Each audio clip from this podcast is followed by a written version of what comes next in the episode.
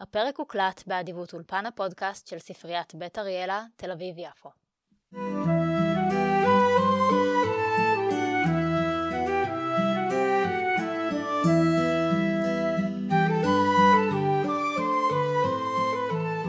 ברוכות וברוכים הבאים למסע לא צפוי, פודקאסט טולקינאי. אני כרמל הרוד-לוזובר, ומעולם לא קראתי שר הטבעות. עד היום. אנחנו בפרק הראשון של הפודקאסט מסע לא צפוי. אם לא האזנתם לפרק הקודם, אז נעים מאוד, אני כרמל, ולא קראתי שר הטבעות, אבל עכשיו אני קוראת, ואני מזמינה כל פרק אדם לשיחה על חלק מהספר. היום אנחנו מדברים על ההקדמה ועל אה, החלק של הפתח דבר. נמצא איתי היום יובל כפיר, שלום יובל. ערב טוב, כרמל. אשמח אם אה, תציג את עצמך למאזינים שלנו. בשמחה, אה, שמי יובל כפיר, אני מהנדס תוכנה בהכשרתי וטולקינאי בעל כורחי. אני אה, נשוי עם ארבעה ילדים ומתלהב מספרים, סרטים, ציפורים, כוכבים, שפות וסתם מטריוויה. מתי התחלת לקרוא טולקין ומה המסע האישי שלך עם הספרים? אני התחלתי עם uh, ההוביט, קראתי אותו לדעתי בערך בגיל 11. בגיל 13 קיבלתי לבר המצווה את חבורת הטבעת בעברית. וזה היה משהו אחר לגמרי, אני לגמרי נשבתי בעולם ובעלילה.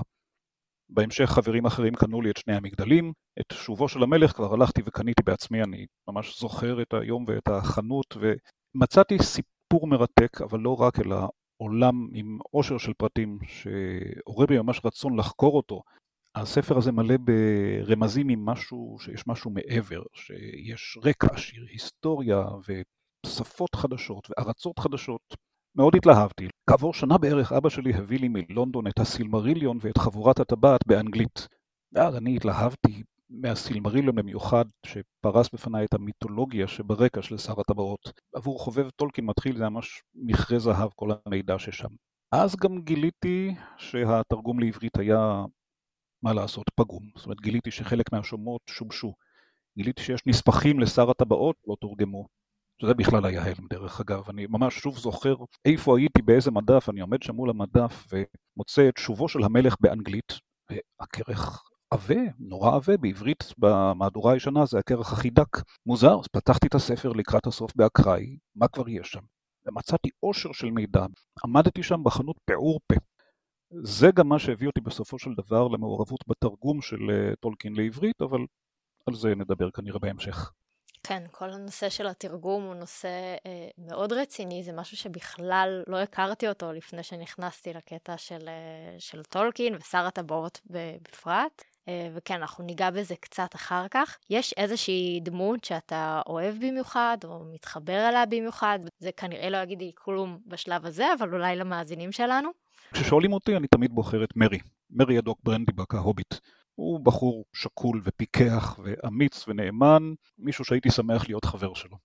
טוב, אז אני מחכה להכיר אותו, ואז אולי דברים יתחברו לי קצת יותר. אנחנו מתחילים בקריאת הספר הראשון בסדרת שר הטבעות. הטקסט הראשון שאנחנו קוראים, עוד לפני תוכן העניינים, הוא השיר על הטבעות. בהקדמה, טולקין מספר לנו שהספר נכתב כיוון שהקוראים התעניינו בהרפתקאות נוספות של ההוביטים, אך הכתיבה קיבלה חיים משלה ותפסה כיוון אפל יותר. הכתיבה נמשכה זמן רב ונעשתה בחלקים. במהדורה החדשה ישנה גם הקדמת המאדיר, בה עמנואל לוטם מסביר על ההבדלים בין המהדורות והסיבות להוצאת מהדורה עברית נוספת. המבוא נחלק לארבעה חלקים. בראשון, אנו למדים על טבעם של ההוביטים. לטובת מי שבמקרה לא קרא ההוביט, כמוני, טולקין מספר לנו על העם המופלא הזה. בחלק השני, אנחנו קוראים על צמחי המקטרת. בחלק השלישי מסופר על חלוקת הפלך לאזורים וחבלי ארץ. אנחנו קוראים על ריבוי מקרים של השגת גבולות, וישנה תחושה שמשהו מתרחש. לראשונה, אנחנו קוראים על בילבו ועל הטבעת הסודית שמצא. בחלק הרביעי, אנחנו חוזרים לסיפור מציאת הטבעת מתוך ההוביט. יש מסע ומטמון ואפילו דרקון. בילבו ההוביט מוצא עצמו במכרות בבטן ההר, ושם הוא מוצא טבעת. הוא נתקל ביצור מרושע ומסכן בשם גולום. איתו הוא מתחרה במענה על חידות, כדי להרוויח את חייו ואת עזרתו של גולום ביציאה מהמכרה. הדבר הראשון שמופיע אחרי כותרת הספר הוא טקסט על כל הטבעות ועל החלוקה שלהן. אנחנו מבינים שיש כמה טבעות, אחת מהן שולטת בכל השאר. מורדור נזכרת פעמיים, כמקום רביצת הצללים, וזה בהחלט לא נשמע מקום שהייתי מתנדבת ללכת אליו. מיד אחרי תוכן העניינים מגיעה הקדמה. אני משערת שאין חובה לקרוא אותה, אבל היא נותנת קצת הקשר לשר הטבעות ביחס להוביט. נזרקים הרבה מאוד שמות של אנשים, של מקומות, ומבטיחים לנו איזשהו קשר של ההוביט למה שקורה בשר הטבעות. אכן, יש כאן, אה, יש כאן, כבר בהקדמה יש ספוילרים, בשפע. זאת אומרת, כבר בעמוד השני של ההקדמה אה, אפשר לראות שטולקין מדבר על אה, קברו של בלין במוריה. אנחנו עוד לא יודעים מי זה בלין, איפה זה מוריה, אבל אנחנו יודעים שבלין מת וקבור שם. ברגע שיזכירו את בלין, אנחנו כבר נדע שהוא, שהוא לא חי. בהמשך יש לנו עוד ספוילרים אפילו, שסאורון נכחד וברדור נהרסת. טולקין כותב את כל זה מראש. כנראה שלטולקין ממש לא אכפת לספיילר לנו את העלילה. האמת, גם לי אישית לא, אני מעולם לא היה אכפת לי מספוילרים יותר מדי, כי כשמכירים את העלילה, ההנאה מקריאת הספר לא בהכרח נפגמת, אולי אפילו מבחינים ברמזים מתרימים.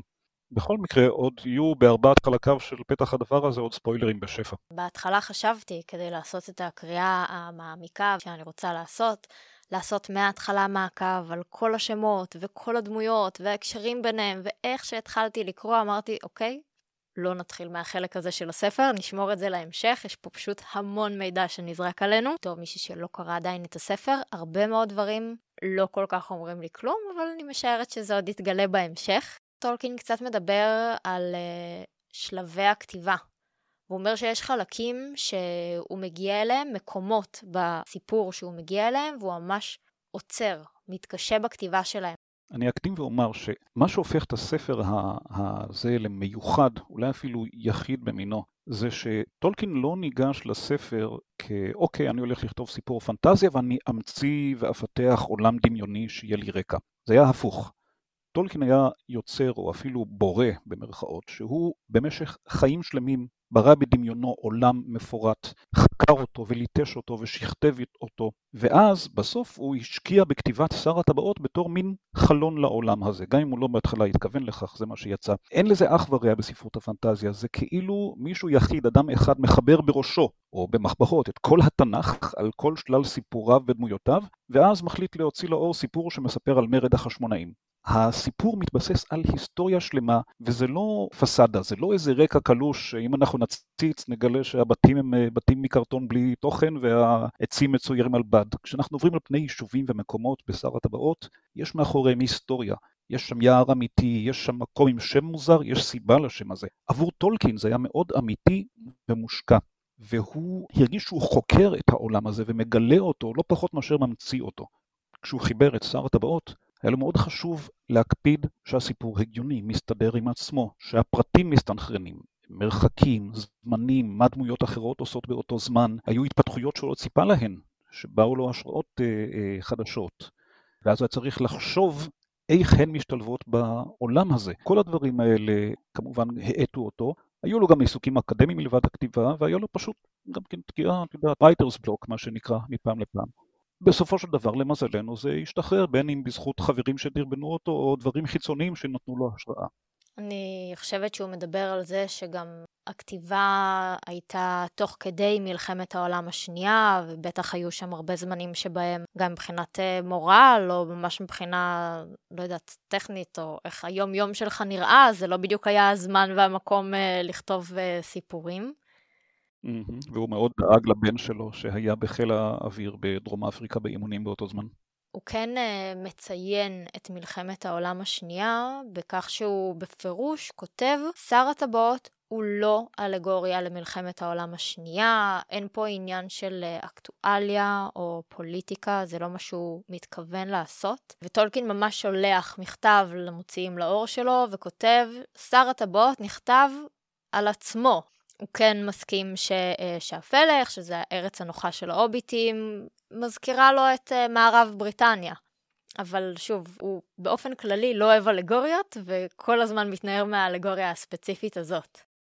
יש לנו חלק שמופיע רק במהדורה החדשה, שנקרא הקדמת המאדיר. כתב אותו עמנואל לוטם, ובמקרה, זה משהו שאני לא ידעתי לפני שדיברתי עם יובל, אני גם אל האורחים שלי הגעתי בלי יותר מדי ידע מוקדם, רק על סמך המלצות של חברים של חברים.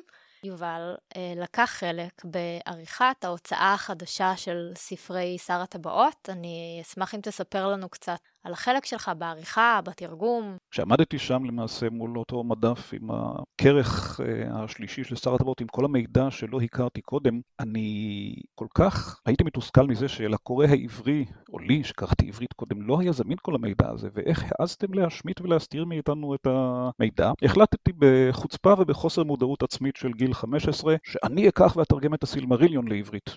כדי שלא ייפלו בו אותם פגמים שנפלו בתרגום של שר הטבעות. זה היה תהליך ארוך ומעניין, הרחבתי בדרך את הידע שלי באנגלית, לקחתי לעצמי את המשימה, היא הלכה מאוד לאט, כי גם תמיד הייתי פרפקציוניסט. לקח כמה שנים, ובסביבות גיל 20 הגעתי לאמצע הסילמריליון כבר, ואז נודע לי במקרה דרך הוריי שעמנואל לוטם עובד על תרגום הסילמריליון. עמנואל כבר היה אז אה, מוכר בזכות אה, תרגומיו לעברית, ואמרתי, וואו, אוקיי, עמנואל לוטם מתרגם את זה, אז כנראה שיהיה בסדר. אז שוב, בתעוזה, ביקשתי מההורים שיקשרו אותי אליו, ושוחחתי איתו, הסתבר לשמחתי שדעתו על התרגום המהדורה הישנה של שר הטבעות קיצונית יותר משלי, ושהוא ישמח לפדנט טולקינאי שיבדוק את התרגום שלו לסימריליון. הצטרפתי למאמץ בהתלהבות, לצערי הרב התרגום שלי לא ממש עניין אותו, מה יכולתי לצפות, אבל תרמתי את חלקי לתרגום של הסילמריליון. את הסילמריליון עוד אין לי, מצאתי במיוחד את כל הכרכים אה, של שר הטבעות וההוביט בכל התרגומים, כדי שאני אוכל אה, להתכונן ככה בתקווה להרבה עונות של הפודקאסט. כל הכבוד על ההשקעה ולקרוא כל פרק פעמיים, האמת, לא רע.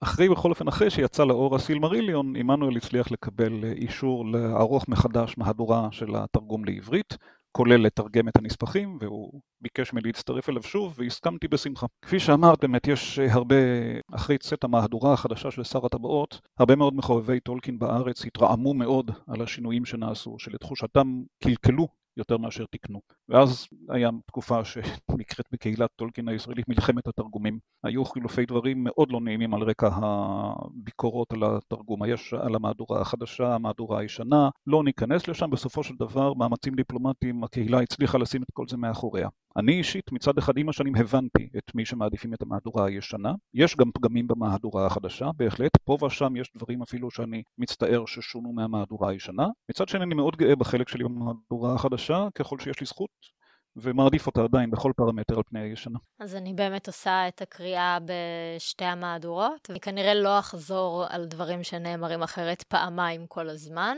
אה, יכול להיות שלפעמים אני אלך לפי המהדורה הישנה, לפי החדשה. נראה, נראה לאן זה לוקח אותי. אנחנו מגיעים uh, לחלקים של uh, פתח דבר, והחלק הראשון מדבר על טיבם של ההוביטים. וכבר המשפט הראשון אומר, הספר הזה עוסק רובו ככולו בהוביטים. האם זאת איזושהי הבטחה לטולקין, לקוראים שלו, שביקשו עוד ספר על הוביטים? האם אני עומדת לקרוא את ההוביט 2? הספר התחיל בתור ההוביט 2. עם הזמן אה, הוא הפך להיות יותר אה, המשך של הסילמריליון מאשר המשך של ההוביט, כאשר הסילמריליון זה המיתולוגיה כאמור שטולקין אה, חיבר כל חייו, אבל עדיין, למרות שהוא המשך של מיתולוגיה, הספר הזה אכן עוסק בו ככולו בהוביטים, הוא אפילו נכתב מנקודת המבט של ההוביטים באופן כמעט מוחלט. הוא מבוסס על מה שנקרא הספר האדום, שזה ספר שחיברו אותו ההוביטים. הדמויות שאיתן רוב הזמן הקורא אמור להזדהות הן ההוביטים. זאת אומרת שכרגע אנחנו נסמכים על ספר שלא כתב אותו טולקין, כתב אותו הוביט. אכן כן, ולא סתם הוביט, אלא בילבו ופרודו בכבודם ובעצמם. בילבו גיבורו של ההוביט ופרודו אה, גיבורו של אה, שר הטבעות. כמובן שזה לא, אה, הספר האדום לא באמת באמת קיים, הוא קיים באמת בבריאה המשנית של טולקין, בעולם שהוא ברא. והוא מוזכר לא רק במבוא, אלא גם במרומז ולא במפורש, תוך כדי הסיפור, בשניים שלושה מקומות. הספר האדום הוא ההיסטוריה והמיתולוגיה של הארץ התיכונה, כפי שחיברו אותה בילבו, פרודו, וגם סם וכמה אחרים שתרמו לו פה ושם. לא כולו תורגם לאנגלית, זאת אומרת, טולקין מציג את אה, שר הטבעות וההוביט כתרגומים מתוך הספר האדום, אבל הוא כאילו המקור למה שאנחנו יודעים על דבר, דברי ימי העולם של אה, טולקין. טולקין המציא הרבה שפות. אם אני לא טועה, יש לנו לפחות עשר שפות בשר הטבעות וההוביט. כן, יש הרבה שפות בשר הטבעות. אני, אל תעשי לי עכשיו חידון טריוויה, אני לא יודע אם אני אצליח למנות, למנות עשר. אנחנו נעשה מתישהו פרק מיוחד של אה, חידות טריוויה. עם כל אורחי התוכנית. או, אני מבקש לשריין לי מקום. אבל אפרופו באמת שפות וכספות וכולי, בדף הפתיחה של שר הטבעות, אם תסתכלי, יש שם שתי שורות מעל ומתחת לכותרות, שכתובות באחד בכתב רונות ואחד בכתב מסולסל ויפה כזה, קצת מזכיר את הכתב התאילנדי אולי, ושם בעצם זה אנגלית בתעתיק לכתב של טולקין, כאשר חלק ממה שכתוב שם זה Translated from the Red Book of Westmarch by J.R.R. Tolkien, זאת אומרת, טולקין כותב כבר בכותרת, הספר הזה תורגם מהספר האדום של אה, מחוז המערב. יש לנו פה ממש כמה רבדים שבהם טולקין מכניס אותנו לעולם אמיתי. יש ספר שלא הוא כתב, שאנחנו מתבססים עליו. יש לנו הוכחה לזה, יש לנו את הכיתוב פה בתרגום, והוא לא בשפה שאני יכולה לקרוא אותה אפילו, אבל יש אנשים שיכולים עדיין, לקרוא אותה. עדיין, בינתיים. חכים למסמכים. באמת יש פה איזשהו ביסוס של עולם מאוד עשיר, זה נכנס מאוד עמוק down the rabbit hole מבחינת כמה המציאות הזאת היא באמת קיימת. אני לא הולכת לקרוא ספר, אני נכנסת פה לעולם חדש. אכן כן, הוא שאמרתי שבעצם אנחנו מתוודעים לקטעים בעיני טולקין, אנחנו, הוא מכניס אותנו בהקדמה ואומר, הנה קטעים מתוך מיתולוגיה גדולה שרק את חלקה תקראו כאן. גם בהמשך, בהמשך המבוא, טולקין ממשיך ומבסס את המסגרת, לא רק שיש ספר אדום שהוא מתרגם מתוכו. הוא אומר, ההוביטים עדיין קיימים בינינו, אך כיום הם מתחבאים. זאת אומרת, זה לא עולם אחר, זה העולם שלנו, ההוביטים עדיין בינינו, רק אנחנו לא רואים אותם. זה לא עולם דמיוני. אני מצאתי ספר אה, אה, ותרגמתי אותו, ספר שמתאר את תולדות העולם שלנו. הוא בעצם ברא מיתולוגיה אלטרנטיבית. את אמרת על הקטע הזה שזה לא עולם נפרד ויש הוביטים ואנחנו פשוט לא מצליחים לראות אותם, אז יש לנו תיאור של ההוביטים, ואני, לפני שנכנסתי לקריאה וזכרתי קצת את הדמויות כמו שראיתי אותם מהסרטים, אמרתי לעצמי, אני הייתי רוצה להתחבר לדמות כמו אלף או בת לילית, איך שלא נבחר לקרוא לזה. איזשהו יצור אה, שנראה לי קסום, והם בני על מוות, וזה נחמד, אבל כמה שאני קוראת את התיאור של ההוביטים, אני כנראה הוביט, לפחות בחלק מהדברים, הם אוכלים שש ארוחות ביום, זה מאוד מאוד מרשים, אני חושבת שהייתי יכולה לעמוד בזה. ואמרת על ההסבר שלמה בעצם אתה ואני לא רואים הוביטים, הם חמקנים מקצועיים. אם הם לא רוצים לפגוש אותך, הם פשוט נעלמים כמו בקסם, אם כי ללמוד קוסמות לא מעניין אותם. יש איזשהו תיאור של ההוביטים מתוך ראיון של אה, טולקין משנת 1967. מדברים על זה שטולקין ביסס את ההוביטים, על אה, אנשי העיירה שאליה הוא הגיע אחרי שהוא עזב את אה, דרום אפריקה. אנחנו נעשה איזשהו פרק, כבר נעשה, אבל טרם יצא. פרק על חייו של טולקין. טולקין נולד בדרום אפריקה ועבר עם אימא שלו ואחיו הצעיר לאנגליה. והוא מגיע לאיזשהו אזור כפרי, שם יש אנשים שקטים, עדינים, לא אוהבים הרפתקאות, אבל מאוד אוהבים אוכל. וגם טולקין אומר שהוא אה, אוהב ארוחות פשוטות ובירה. והוא אומר, להוביטים יש מידות טובות אוניברסליות. אני טוען שהם דוגמאות לדרך חיים טבעית ואמונה טבעית. הם כן יכולים לעשות מעשה אומץ יוצאי דופן והם אנושיים. אז יש לו ממש איזושהי מחשבה על איך הם נראים ולמה הם דומים מתוך העולמות שהוא כן מכיר. אנחנו כן מתמקדים בספר הזה, אה, בהוביטים של אה, הפלך, לפחות לפי מה שטולקין כותב לנו בינתיים. הם לא ההוביטים היחידים. בעבר ההוביטים חיו באיזשהו מקום אחר, הם יצאו למסעות מסוכנים, לא בדיוק ברור למה. בעקבות המסעות האלה הם התפצלו לסיעות, הם התפצלו לבני הרפוט, בני סטור ובני פלוהייד. יש גם משמעות אגב לשמות האלה. הרפוט נגיד זה hairy feet, זה רגליים שעירות. סטור אני לא בטוח, ופלוהייד זה המשמעות של זה משהו כמו אה, אור חום בהיר, משהו כזה. מהמעט שהספקתי להכיר, הוא מגיע מהתחום של בלשנות, הוא מאוד אוהב שפות, אז ברור לי שכל שם שמגיע פה זה שם שעם הצליל שלו או עם המשמעות שלו מביא לנו איזשהו ערך מוסף לשם. אני משערת שאף שם פה לא נבחר באקראי סתם כי זה נשמע לו כמו שם נחמד. לא, זה, זה נקודה, נקודה שלילית לי שלא ציינתי את באמת מקודם כשדיברתי על בריאת העולם של טולקין. כל בריאת העולם, לא רק שטולקין, אמרתי שטולקין לא בא לכתוב ספר ולתת לו, להמציא לו רקע, אלא הוא קודם כל המציא רקע ומיתולוגיה ועליהם חיבר ספר. מה שלא אמרתי, ואבוי לי שלא אמרתי, זה שטולקין בכלל התחיל את כל יצירת העולם הזה, משום שהייתה לו חיבה לשפות, והוא המציא לעצמו כילד וכנער שפות דמיוניות, ואחר כך אה, התחיל להמציא את השפה הזאת של אה, האלפים, וככל שהוא פיתח אותה, הוא פיתח במקביל לה את הסיפורים הראשונים עליהם. זאת אומרת, הנה שפה, בוא נמצא היסטוריה שתלך עם השפה הזאת. שר הטבעות בכלל נולד, נולד מבלשנות. אז הפוך מכל מה שבערך כל סופר אחר. לחלוטין הפוך. כל סופר אחר אומר, יש לי עלילה, אני חושב, מעולם לא ניסיתי לכתוב סיפור פנטזיה, אבל יש לי עלילה ורעיון לסיפור, בוא נמצא אה, עולם שנמקם אותו בו, ובוא גם נמציא שפות לעולם הזה. לא, אצל טולקין, הנה שפה שחשבתי עליה והמצאתי אותה, בוא נמציא מיתולוגיה שתתאים לשפה הזאת, וסיפורים, ולמה זה ככה, ולמה המילים האלה השתנו, ועכשיו וואלה, הנה יש לי סיפור נחמד שאני יכול לספר על המיתולוגיה הזאת.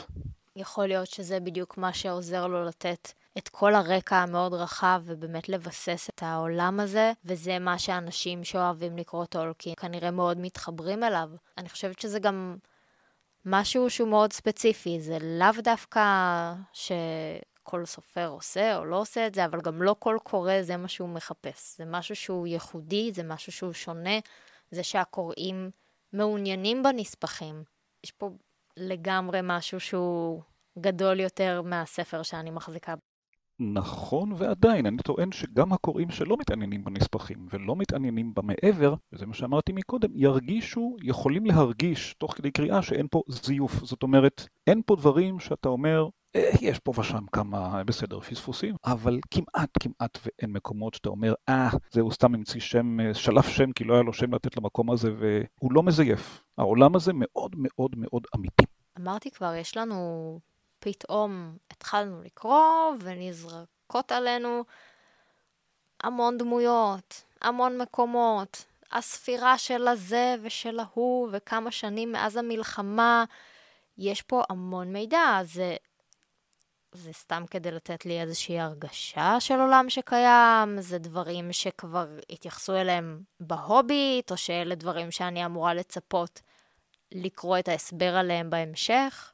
כמעט כל מקום ודמות שמוזכרים בפתיחה יוזכרו מתישהו גם בגוף הספר. חלק יותר, חלק פחות. כרגע הם לא קריטיים, זאת אומרת, אה, טולקין בעיקר מבסס פה אה, אה, אווירה אולי, או רקע היסטורי קצר. דמיינתי לעצמי שאני אעשה מעקב על הכל, אני אעשה מעקב. מהפרק הבא. אחרי שאנחנו מדברים על טבעם של ההוביטים, פתאום מגיע קטע שאותי קצת הפתיע. מדבר על עשב המקטרת. ואני קוראת את זה. זה לא מאוד ארוך, אבל אני אומרת, למה יש לנו חלק שלם שמדבר על עישון מקטרת?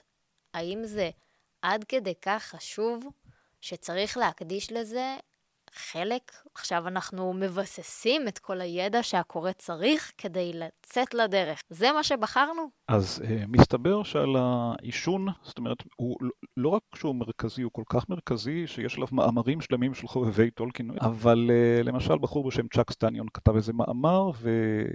חלק מהדברים שהוא מזכיר שם. עישון הוא נושא ששוב, שחוזר ועולה, גם בשר הטבעות, גם בהוביט, משום שעבור טולקין מקטרת הייתה אחד, חלק מאותם תענוגות חיים פשוטים שהזכרת מקודם, של אוכל ביתי פשוט וטוב, אנשים פשוטים, אווירה כפרית רגועה, ללא תעשייה, שיחות חולין, חברותה ועישון. שר הטבעות, גם ההוביט, נכתבו הרי עד שנת סביבות 1950, בשנים האלה כולם עישנו. כל הזמן, ובכל מקום, זו הייתה פעילות חברתית מקובלת. הנזק בעישון בכלל לא היה בתודעה ציבורית. גם עד שנים אה, מאוחרות יותר, זאת אומרת, אנחנו רואים היום עוד סדרות שמדברות על נגיד שנות ה-80, ואתה רואה אנשים מעשנים במטוס, במשרד, זה היה מאוד פופולרי. בהחלט, תראי, למעשה כבר בשנות ה-40 מחקרים רפואיים התחילו לגלות את הקשר בין עישון לשלל מחלות, אבל חברות הטבק פיזרו מסך עשן, pun intended, כדי להשתיק את הרופאים ההיסטריים האלה, כך שבזמנו של טולקין בהחלט עישון היה שקול להנאה ולנחת וחברותה. לכאורה זה סתם פעילות פנאי ברקע של הסיפור, אבל בעצם טולקין משתמש בעישון להעלות שוב ושוב בנקודות שנוגעות בחברות, בחיים הפשוטים והטובים. החיים האלה שכולם, בראש ובראשונה ההוביטים, גיבורי הסיפור, כולם שואפים לחזור אליהם, לחיים האלה. אני חושב שאני לא אחטא לכוונת טולקין יותר מדי אם אני אומר שכל מהות העלילה של ההוביט וכל מהות העלילה של שר הטבעות ניתנת לתמצות בזה שהגיבורים יוצאים למסע מפרך וקשה ונלחמים כדי שבסופו של יום הוביט פשוט יוכל לשבת בנחת מול האח עם חברים ולעשן מקטרת. אני ממליצה על הפעילות של אה, קריאת ספרי שר הטבעות כפעילות אה, פנאי. אני חושבת שעדיף אה, לא לעשן, לא מקטרת ולא דברים אחרים. אבל אנחנו לא פודקאסט בנושא בריאות, תעשו מה שבא לכם. בזמנו טולקין היה בעד עישון, מסתבר. אז יש איזשהו ציון של uh, ניקוטיאנה, זה נשמע כאילו טולקין מנסה לעודד אותנו לעשן. כן, תראי, הניקוטיאנה זה פשוט השם המדעי של צמח הטבק. זאת אומרת, סוג של צמח שיש בו כמה מינים, והיות והארץ התיכונה היא, כפי שאמרתי, העולם שלנו, אז מה שההוביטים מעשנים, אה, אומר טולקין, זה מין של טבק. מה שכן, יש כאן איזושהי, אה, בכל זאת איזו צרימה. אמרתי שיש פה ושם בספר אה, אה, פספוסים, לפחות בעיניי יש כאן איזושהי צרימה, וזה הקטע שטולקין עושה מה שנקרא הזרה. לקחת הרגל משהו מוכר ולתאר אותו כאילו הוא מוזר ומשונה. הוא כותב, אה, הרגל תמוה מאין כמוהו. הם נהגו לינוק או לשאוף אל קרבם מבעד למקטרת עשויה חומר או עץ את עשן העלים הבוערים של מין צמח שנתקרא בפיהם עשב המקטרת או העלה. כל קורא אירופאי בן זמנו של טולקין יודע מה זה טבק, יודע מה זה עישון. למה טולקין צריך לקרוא לזה הרגל תמוה ולתאר את זה כאילו איזה מין טקס מוזר? אין לי מושג. יכול להיות שזו שארית של פנייה לילדים עם קריצה, כאילו להגחיך את העישון של תראו איך זה נראה מהצד. אולי הוא מתאר את העישון כמו שהיה מתאר אותו בן אדם שמזדמן לפלך בזמנם של ההוביטים, אבל מצד שני כל הסיפור הזה מסופר מנקודת מבטם של הוביטים, אז למה צריך לתאר את זה כמישהו מבחוץ? אני לא יודע, אני חושש שזה פשוט שריד מההוביט 2, כפי שאמרת. בהרגשה שלי, עדיין יש פה בחירה שהיא קצת תמוהה. זאת אומרת, אני כן מבינה שבסוף המסר הוא העישון, הוא חלק מהדברים המרגיעים, ורוגע חשוב להוביטים. בעיניי עדיין קצת תמוה שהוא בחר ממש להקדיש לזה חלק, אני עדיין לא במאה אחוז סגורה על זה שזה, לא יודעת, אולי אם אני הייתי טולקין, ואני כמובן רחוקה מזה, לא יודעת אם זה מה שאני הייתי בוחרת אה, להכניס בתור מידע חיוני, אבל זה מה שהוא בחר. הוא בחר, וזכרי את זה כשאת תיתקלי עוד הרבה במקטרות ועישון, במיוחד הוביטים כמובן, ששולפים מקטרת ומעשנים בכל מיני רגעים, ותמיד הכוונה באותו זמן היא לזכור את החיים הפשוטים שאליהם אנחנו רוצים לחזור, לזכור את החברות, ואת תראי שזה כמעט תמיד געגועים לבית, לחיים רגועים, לחברות. ברגעים כאלה אני שמחה שהחלטתי לקרוא מההתחלה התחלה. ושאני מדברת עם אנשים שיודעים על מה הם מדברים.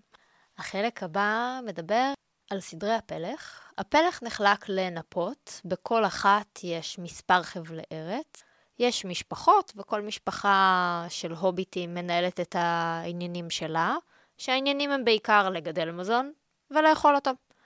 משפחת טוק היא משפחה שמצוינת פה במיוחד, היא משפחה עשירה, עם מעמד בכיר, ואני ישר שיערתי שיש פה איזשהו קשר להוביט שעליו אנחנו מדברים, שזה בילבו. ואז uh, באמת יובל כתב לי, בלדון התוק הייתה אימא של בילבו. אז ברור שאנחנו צריכים מראש לבסס את מעמד המשפחה של בילבו, מכובד. הוא גם קרוב משפחה של פרודו, נכון? הוא דוד שלו. אבא של בילבו וסבא של פרודו בני דודים או משהו בסגנון.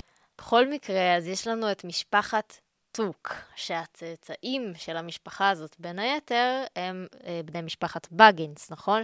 בילבו בגינס ופרודו בגינס. שוב יש לנו הדגשה על זה שההוביטים יצורים שלווים, נמנעים מעימותים, יש להם כוח משטרתי, והמילה שוטרים במרכאות בספר, יש להם כוח משטרתי מאוד קטן. לי כל הבילדאפ הזה הרגיש כאילו זה יכול ללכת לשני מקומות. או שתגיע איזושהי מלחמה ואנחנו נראה איך ההוביטים ממשיכים בשלהם ואומרים אנחנו יצורים שלווים, מלחמה זה לא בשבילנו, לא לוקחים פה איזשהו צד, הם באיזשהו צד מפסיד פה במלחמה מזה שהם בכלל לא מתכוונים להשתתף בה או לא יודעים איך להשתתף בה.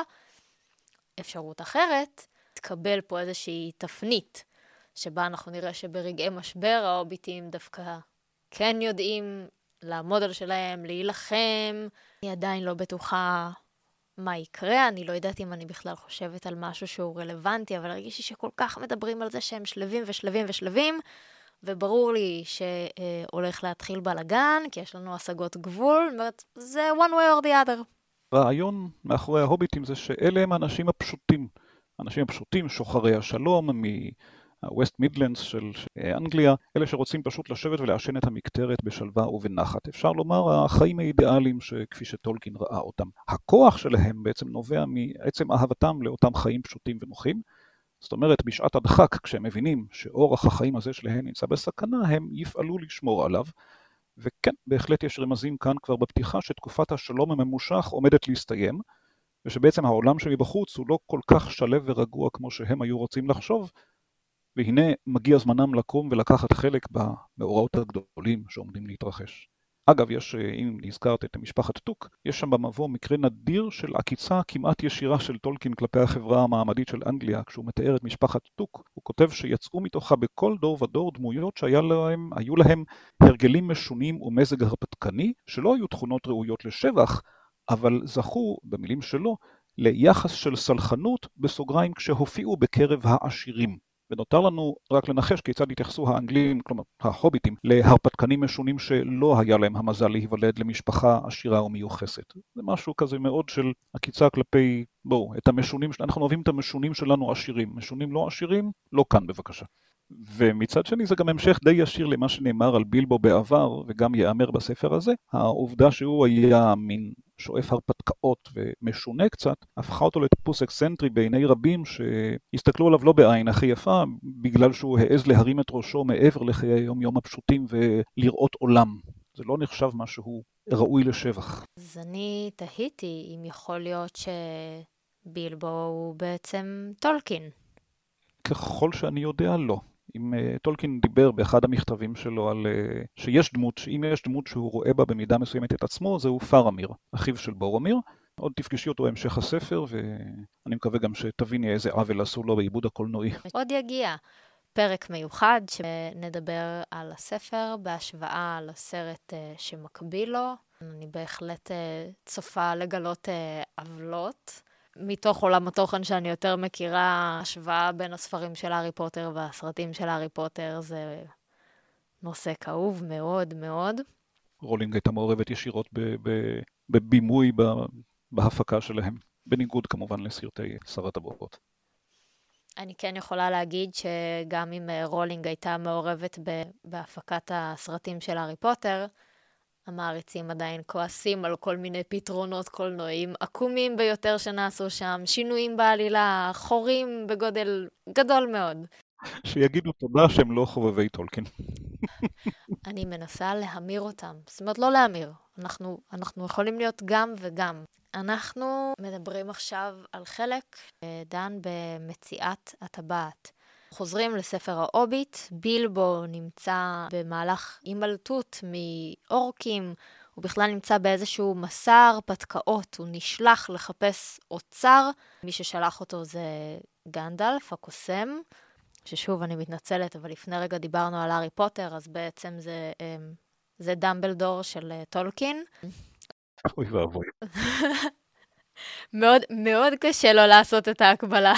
אם כבר, דמבלדור הוא גנדלף של רולינג. טוב, ברור לי בסדר כרונולוגי מה הגיע קודם, ברור לי למי אני נחשפתי קודם. גנדלף, שהוא דמבלדור, שהוא גנדלף, שולח את אה, בילבו למסע למצוא אוצר. הוא נתקל בבעיות עם האורקים, הוא מגיע למכרות, הוא פוגש שם יצור שנקרא גולום, ולגולום יש טבעת. לא ניכנס יותר מדי לפרטים, אבל אנחנו מבינים מה הסיטואציה שבה הטבעת של גולום בעצם מגיעה להיות בחזקתו של בילבו. הטבעת הזאת מאפשרת לך להיות רואה ובלתי נראה.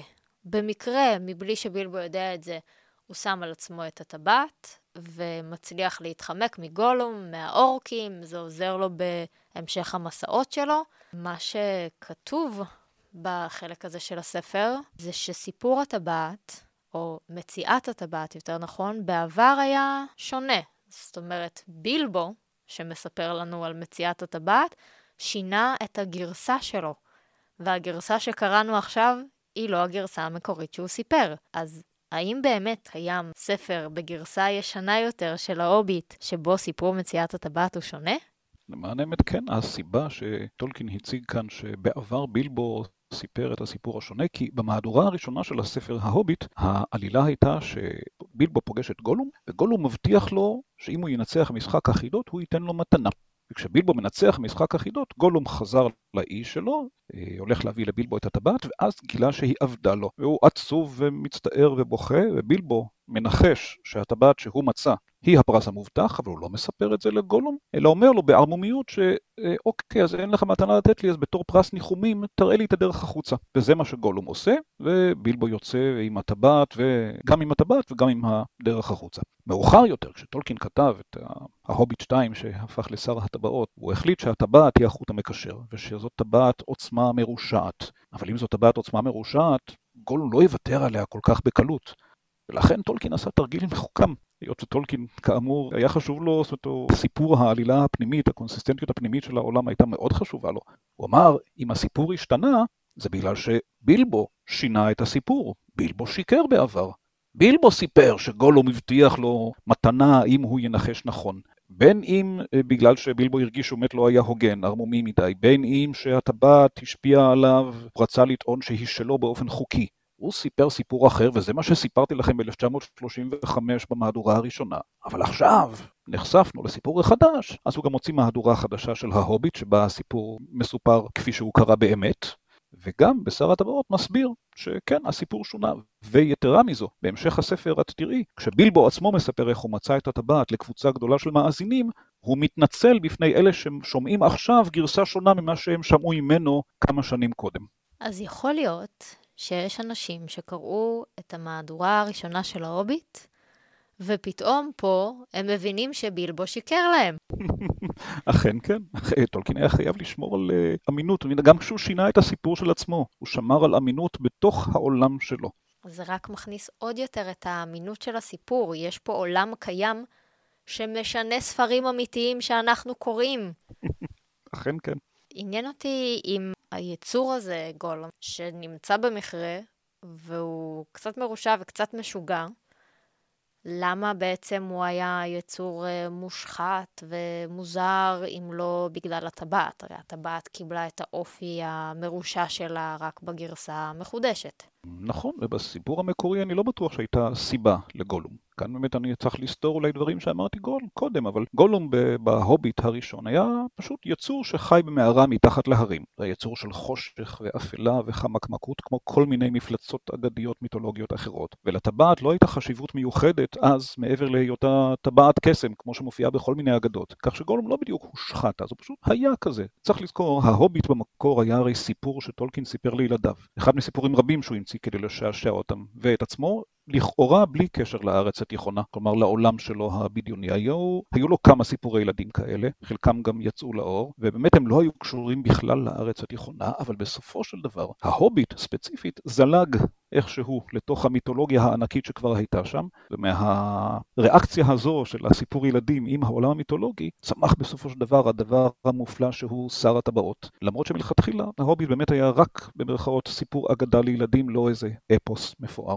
גנדלף חושד בסיפור של בילבו, הוא חושב שיש איזושהי חשיבות לזה שבילבו שיקר או אמר את האמת בצורה חלקית בהקשר של הטבעת. היחידים שבכלל יודעים על קיומה של הטבעת הם גנדלף ופרודו, ובילבו לא מדבר עליה עם אף אחד. הפלך שקט ולא קורה שום דבר מאז המסע של בילבו, ועד יום הולדתו המאה ה-11, כמעט 60 שנים. החלק האחרון שנדבר עליו הוא הערה על רשומות הפלך. זה חלק שקצת יותר התקשיתי בקריאה שלו, זאת אומרת, אני שוב מגיעה למקום שבו יש לי פה המון שמות ומדברים איתי על ספרים שנכתבו ועל זה שעכשיו האוביטים מרגישים שיש יותר חשיבות לכתיבה ותיעוד ויש פה הרבה מאוד שנים ומקומות ושמות ואני לא מכירה אף אחד מהם. קצת טבעתי פה במידע. אפשר להגיד שזה הספוילר של ההקדמה. זה מתאר אירועים שכל כולם מתרחשים אחרי סוף העלילה של שר הטבעות, אולי ראוי באמת לקוראת לחזור אליו אחרי סיום הקריאה, אבל יש פה כמה דברים שבהחלט כן ראויים לציון. זאת אומרת, כי קודם כל, אפרופו בניית העולם והספר האדום הנודע, שממנו מתורגם הספר שאנחנו מחזיקים, מתוארת כאן ההיסטוריה של הספר האדום. מתואר איך בילבו חיבר אותו ונתן לפרודו, ואיך זה, משה קיבל תורה מסיני ונתן מסר לחכמים, ובילבו קיבל תורה מאלרונד ורשם ומסר לפרודו, ופרודו מסר לסם. במקרה שלנו, משה הוא נוצרי קתולי. אכן, כן. אבל כאן מה שיפה הוא שמוזכר פה על הספר האדום, יש פה הערה, עיקר חשיבותו של ההעתק של פינדגיל, בכך שהוא לבדו מכיל את מלוא התרגומים מן האלפית של בילבו. שלושת הכרכים הללו היו יצירה של מיומנות ולמדנות לתפארת, שבה הוא מיצה את כל המקורות שעמדו לרשותו בריבנדל. זאת אומרת, מדובר פה על איזה שלושה כרכים של היסטוריה שבילבו רשם, ופרודו לא מצא בהם חפץ רב, שכן עסקו בעיקר בימי קדומים, ולא יאמר עליהם עוד דבר בזה.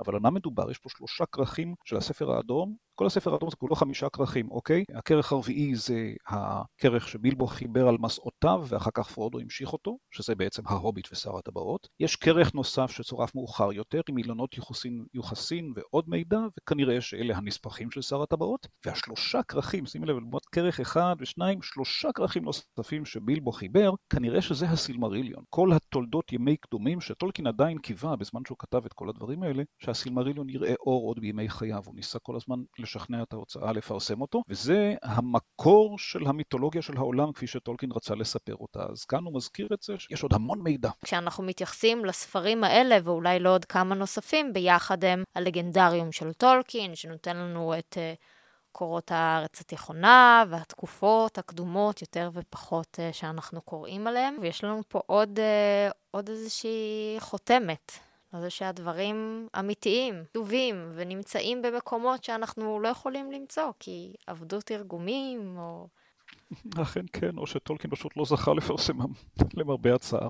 למרות שבנו עשה עבודה, אבל זה כבר, אה, אם תתענייני יותר... אה. בפרק שהוקלט בעבר, אך יצא בעתיד, דיברנו קצת על זה שכריסטופר, הבן הצעיר מבין שלושת הבנים, יש גם עוד אה, בת שהיא הכי צעירה מבין ילדיו, אז כריסטופר, הבן הכי צעיר, הוא זה שהוציא הרבה מהספרים של טולקין, הכתבים שלו, אחרי שהוא נפטר. אני משערת שהקהילה הייתה מאוד שמחה על זה.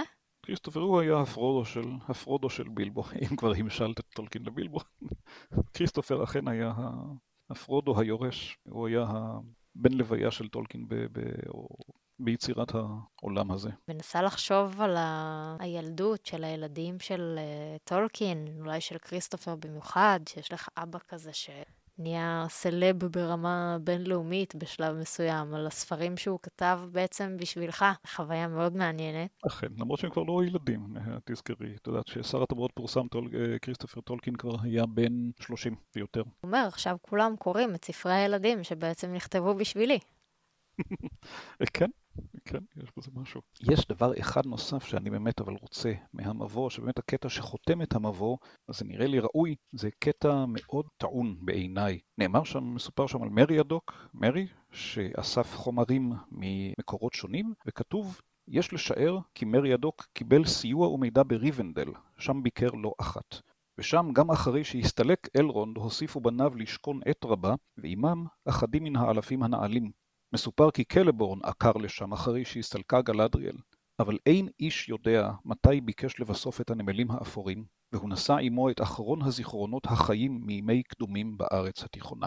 אנחנו לא יודעים אולי עדיין מי אלה קלבורן וגלדריאל, אבל אלה האלפים הנעלים, זאת אומרת הרמי המעלה ביותר, וכשקלבורן האלף עבר לריבנדל כלומר, גלדריאל עזבה, נאמר לנו. גלדריאל כנראה היא גם כן דמות חשובה, כן? ואלרונד, אנחנו אומרים, אולי מכירים אותו מההוביט, אבל הוא גם כן דמות מאוד משמעותית. ואלרונד עזב. אחדים מהאלפים עוד נשארו איתם. גלדריאל עזבה, ואז קלבורן בסוף הלך לנמלים האפורים, שזה מעצם השם אפשר להבין שזה מקום של פרידה, והוא נשא עמו את אחרון הזיכרונות החיים מימי קדומים בארץ התיכונה הזאת. הוא חותם פה ואומר, אחרי שקלבורן נסתלק, כבר לא נשאר אף אחד בארץ התיכונה מהתקופה המיתולוגית. זה מדגיש את העובדה ששר הטבעות הוא לא רק חלון לעולם של המיתולוגיה של טולקין, הוא סיפור של הסוף של המיתולוגיה. זאת אומרת, הזמן של האלפים, האלפים, אה, מסתיים. זה היה העידן המיתי, המפואר, הקסום, למרות שטולקין לא אהב את המילה הזאת. וכשהם עוזבים, ומתחיל עולים בני האדם, העולם האפור היומיומי שלנו, וריבנדל ננטשת, המעוז של האלפים, והארץ התיכונה ננטשת, והמיתולוגיה מסתלקת. וכאילו הוא נועל את המבוא כבר לשר הטבעות, הוא נועל ואומר, זהו, הנה, כאן הסתיימה המיתולוגיה. זה חלק מאוד מאוד, זאת אומרת, אם תחזרי אליו בסוף הקריאה, תביני את, את העצב ש... זהו, כרגע בעיקר זה מרגיש כאילו באמת משאיר פה איזשהו סוף שהוא סוף, אבל כן, אני, אני לא מכירה עדיין את הדמויות, את הערים. ייתכן שטולקין פה קצת הקדים את המאוחר. חלק ממה שכיף בקריאה, או כשאני עושה קריאה חוזרת לדברים, אז יש כל מיני דברים שאני אומרת, אוקיי, בהתחלה לא ידעתי וקראתי וגיליתי את הדברים, שזה מה שאני עושה עכשיו, וכשאתה חוזר לקריאה נוספת, אז יש את הדברים שמלווים אותך כבר מההתחלה, שאתה יודע שהולכים להגיע, אז פה הוא מראש אומר לנו, אלה הדברים שהולכים להגיע. אולי זה עדיין לא אומר לכם כלום כרגע, תדעו שזה בא. ויכול להיות שזה מוסיף לי איזושהי משמעות כבר בקריאה הראשונה, אם אני אזכור את כל הפרטים והשמות. אכן, הפרטים אולי והשמות לא חשובים, מה שחשוב באמת ומהותי זה האלפים, בני עלילית, האלפים עוזבים. זאת אומרת, הקסם עוזב. הווילון יורד. משהו כזה, המסך, המסך יורד לגמרי, המסך יורד על, אה, על המיתולוגיה. יובל, אני מאוד שמחתי להכיר אותך ולדבר איתך. זה היה מאוד מאוד מעניין. תודה.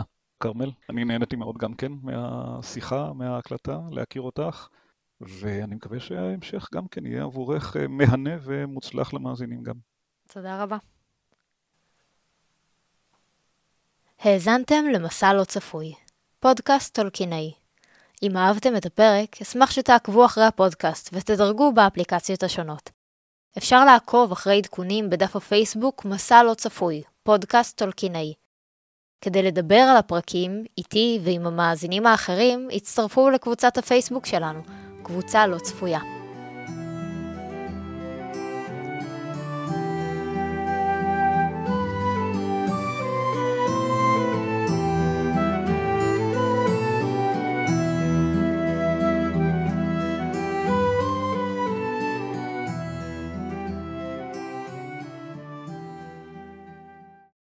הפרק הוקלט באדיבות אולפן הפודקאסט של ספריית בית אריאלה, תל אביב-יפו.